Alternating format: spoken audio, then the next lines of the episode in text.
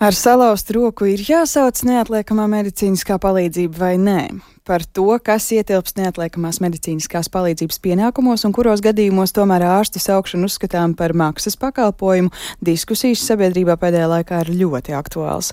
Katrs izsaukums ir dārgs un arī cilvēku resursi nav bezizmēra. Tā atgādinājis dienests, tomēr aicinot izvērtēt neatliekamās medicīniskās palīdzības nepieciešamību katrā konkrētā gadījumā. Par jauno NMPD maksas pakalpojumu cenrādi, nākamā gada budžeta vērtējumu un resursu nodrošinājumu, to vai tiek risināts darbinieku trūkums un cik gatavi esam krīzes situācijām kopumā. Nu, par to visu jau šajā mirklī iztaujāsim neatliekamās medicīniskās palīdzības dienestu vadītāju Lienu Cīpuli, kur esam aicinājuši studijā. Labrīt! Labrīt! Jā, budžets ir saimā. Kas no tā, tā teikt, atlats jums, vai esat ar to apmierināti? Nu, jāsaka uzreiz, ka vēl aizvien uh, turpinās dažāda, da, dažāds darbs pie tā, kas varētu vēl notikt nākamgad, un vēl aizvien pašlaik tiek skaņotas lietas, kas varētu tikt iekļautas, un ministrs jau ir runājis par iespējām uh, iezīmētu budžetu vēlāk vēl kaut kādā veidā uh, pārdalīt atbilstoši tām vajadzībām. No otras puses jāsaka, ka šis ir tāds negaidīt labs pārsteiguma budžets, jo, ja mēs atceramies vasaru, tad vasaras laikā tika norādīts, ka nozarei nebūs vairāk naudas kā iepriekšējā laikā, ka ir jāiegulda slimnīcās tā situācijai, lai risinātu finansējumu nepietiekamību, tarifu dažādu celšanās, elektroenerģiju un tam līdzīgi. Un pašlaik tas bija tāds liels un priecīgs pārsteigums, ka mēs ieraudzījām, ka ir iezīmēts finansējums mediķu atalgojumu pieaugumam. Un, protams, ka pēc šāda, šāda scenārija ejot, mēs redzam, ka ir jāsaprot tas, ka ne visi visas tās vajadzības, kas kopumā nozarē ir, un arī dienesta attīstībā ir virkne jautājumu, ko sniedzām prioritārijos pasākumos, un ne visi pašlaik ir atbalstīti, bet mēs esam tad apņēmības pilni turpināt darbu, un arī pēc tikšanās ar ministru dienestā sevišķi runājot par darbinieku labbūtību, par tiem apstākļiem, kādos jāstrādā, par psiholoģisku atbalstu, par drošību. Visas šīs diskusijas turpinās, neskatoties, ka budžets faktiski jau ir saimā. Kā jau minējām, nesen tika aktualizēts arī jūsu maksas pakalpojumu cenrādis un cenas ir celtas. Tad vai jūs varat komentēt, kam un kādēļ? Maksas pakalpojumu cenrādes tiek, faktiski tas ir vairāk kā desmit gadus pastāvošs instruments ar iespēju iedzīvotājiem atsevišķās situācijās, un ja dienestam ir iespēja izsaukt dienesta brigādi arī kā maksas pakalpojumu situācijās, kas nav neatliekamas.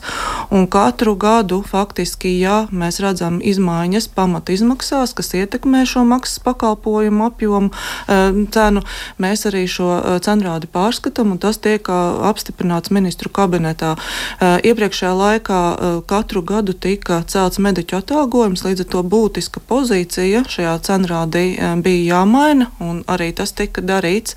Vēlreiz gan jāuzsver, ka pēdējos gados esmu daudz runājusi par to, ka dienests faktiski maksimāli samazina šo maksas pakalpojumu sniegšanu, jo tas nav loģiski, ja mēs vienlaikus runājam, ka nevienmēr pietiek brigādes un nodrošinājums neatliekam izsākumu izpildē, ka mēs turpinām veikt šos maksas pakalpojumus Eh, tomēr, protams, ik pa laikam un šie 5 līdz 10 eh, maksas pakalpojumi dienā tiek veikti atbilstoši tām situācijām, kad iedzīvotājs uzstāja vai mums ir iespēja šo brigādu nosūtīt. Nu, bet tās diskusijas jau minējām salīdzinoši nesen izvērtās gan plašas par to, kad drīkst saukt jūsu palīgā, kad nevajadzētu saukt ko par cilvēku izpratni par to, ko dara neatliekama medicīniskā palīdzība un spēju vispār pašiem saprast, kas ir neatliekama gadījuma, ko par to visu jūs varat secināt no šīm pēdējā laika diskusijām? Nu, darbs ar sabiedrību turpinās nepārtraukti, jo faktiski mēs vēl aizvien dzīvojam laikā, kad mums ir paudze, kas atcerās arī ātrās palīdzības konceptu, kas darbojās pirms tika izveidots neatliekamās palīdzības dienests, un tās gaidas uh, bieži vien ir vēl attiecībā pret iepriekšējo laiku un pat izpratni par to, ka mēs nerakstam recepts, neizsniedzam darba nespējas lapas, kā tas varbūt agrāk bija. Protams, ar to ir jāstrādā. No otras puses ir arī svarīgi apzināties, ka um, tās alternatīvas, kas sistēmā tiek radītas, arī šai pieejamība primārai aprūpē, pieejamība steidzamās palīdzības nodrošināšana traumpunktiem, jā, un arī iedzīvotāju šī kopējā maksātspēja dažreiz uh, kaut vai par šiem transporta pakalpojumiem, lai nokļūtu ārstniecības iestādē, ietekmē neatliekamās palīdzības dienestu noteikti. Tas, ko mēs uzsveram un katreiz atgādinām, ka jāsauc mūs ir vienmēr, kad ir tā sajūta, ka šī ir neatliekama situācija, tādēļ, ka tās patiešām ir visdažādākās. Tas, ko ar ko nevajadzētu rēķināties, ka tad, ja piezvan uz neatliekamās palīdzības dienestu, tad arī automātiski tiks izsūtīta brigāde. Tā tas nenotiek. Tātad, jā, šīs situācijas tiek vērtētas un atbilstoši katrai konkrētai situācijai un dienestu iespējām arī tiek pieņemti lēmumi. Un, jā, skaidrojošais darbs ir jāturpina visos tajos gadījumos, kad iedzīvotājiem nav bijis skaidrs, kādēļ konkrēti šajā situācijā ir pieņemts viens vai otrs lēmums, un tas ir dienesta pienākums. Bet eh, kā jūs redzat no savas eh, perspektīvas, ko būtu nepieciešams uzlabot eh, veselības aprūpas sistēmā kopumā, lai pacienti nepamatoti nesauktu neatliekamās medicīniskās palīdzības dienestu? Um, vispirms, jā, tā ir izpratne pašiem iedzīvotājiem, un tas ir šis skaidrojošais darbs, un otrs, protams, ir arī uh, dažādu alternatīvu radīšana. Un mēs redzam uh, Eiropas valstīs, ka ir gan steidzamās palīdzības brigādes, gan arī um, maksas pakalpojums sniedzēja privātie pietiekoši daudz uh, uh, iesaistās dažādu veselības jautājumu risināšanai iedzīvotājiem.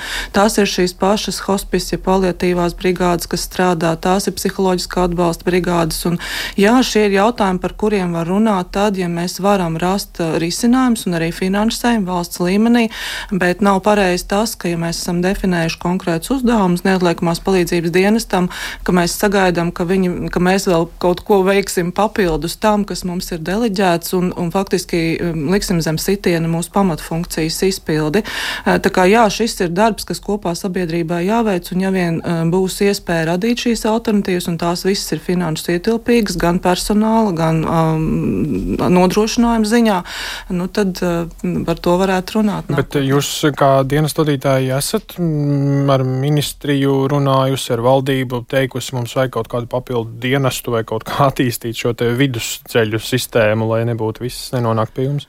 Uh, tas tuvākais, ko mēs vēlētos attīstīt un arī pārunājām ar ministru tiekoties, ir uh, visdrīzāk um, šo konsultatīvā atbalsta iedzīvotājiem sniegšanas uh, palielinājums palielināšana, jo ģimenes ārsts konsultatīvais tārunis, kas darbojas pēc darba laika un brīvdienās, faktiski vairāk ir domāts uz šām, šīm situācijām, kas varbūt ir nu, tīri konsultatīvs atbalsts ļoti vienkāršos gadījumos un, un, un nav sasaistīts nedz ar e-veselības jautājumiem, nedz ko.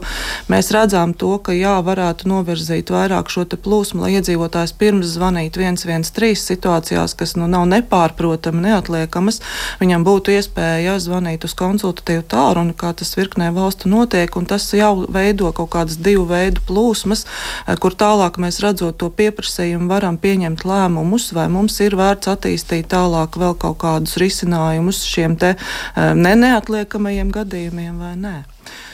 Dienests piedalās arī armijas mācībās, daudz par to ziņots pēdējā laikā. Cik tad gatavi mēs esam dažādām krīzēm?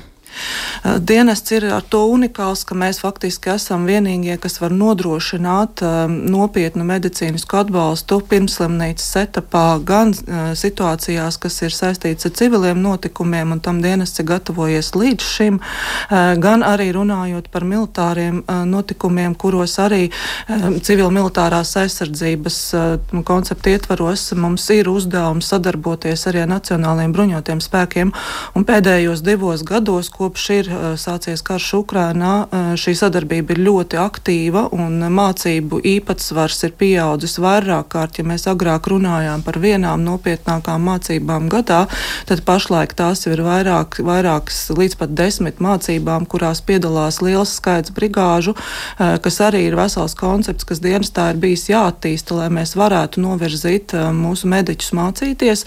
Un pašlaik, jā, varam runāt par tādiem ļoti specifiskiem tehniskiem jau procesiem, jautājumiem, kaut vai kartēm, saziņu par rācijām, kas ir pilnīgi savādāka militārajiem uh, militāristiem, kā tas ir civilajā medicīnā, un arī slimnīcu gatavība, saziņa ar slimnīcām. Katrā slimnīcā pašlaik ir rāciju sakara, kas iepriekšējā laikā nebija. Un jā, darbības nepārtrauktības nodrošināšana, dažādi riski, gan personāla pieejamībā, gan elektrības pārāvumi, gan dažādi resursi, kas mums ir jā, jātur tādām situācijām pašlaik. Tad esat arī gatavāk tādām situācijām, bet pašā noslēgumā varbūt pavisam īsi, kāda ir situācija ar darbiniekiem šobrīd? Ir pietiekoši trūkst? Uh, nu, jāsaka tā, ka atbilstoši citām valstīm mēs vērtējam personālu un to spēju, kā mēs uh, varam nodrošināt šo saucamo resursu, kas attiec tieši uz cilvēkiem. Uh, mums jāsaka, ka dienestā ir pietiekoši daudz personāla un mēs pat esam salīdzināmi ar tām valstīm. Tāpat laikā, jā, mūsu pieeja tam, kā līdz šim esam strādājuši tikai trīs cilvēku sastāvā un tikai pēdējos gados attīstam šo divu cilvēku brigāžu konceptu, nu, ir, ir mainījusi mūsu iespējas arī lūkoties uz to personāla pieejamību pilnīgi savādāk. Um, nu, jāatzīmē, ka mēs nedzīvojam uh, atrauti no realitātes kopējā darba tirgu, tad mēs saprotam, ka cilvēku skaits Latvijā samazinās un par to, ka darbinieku trūkst runā absolūti visas nozars. Tāpēc mums noteikti ir jāgatavojās tam, ka nākotnē mēs strādāsim mazākā sastāvā, mm. bet mūsu galvenais uzdevums ir saglabāt brigāžu skaitu un neko net, netaisīt ciet, nevienu brigādi tieši otrādi veidot mm. jaunas.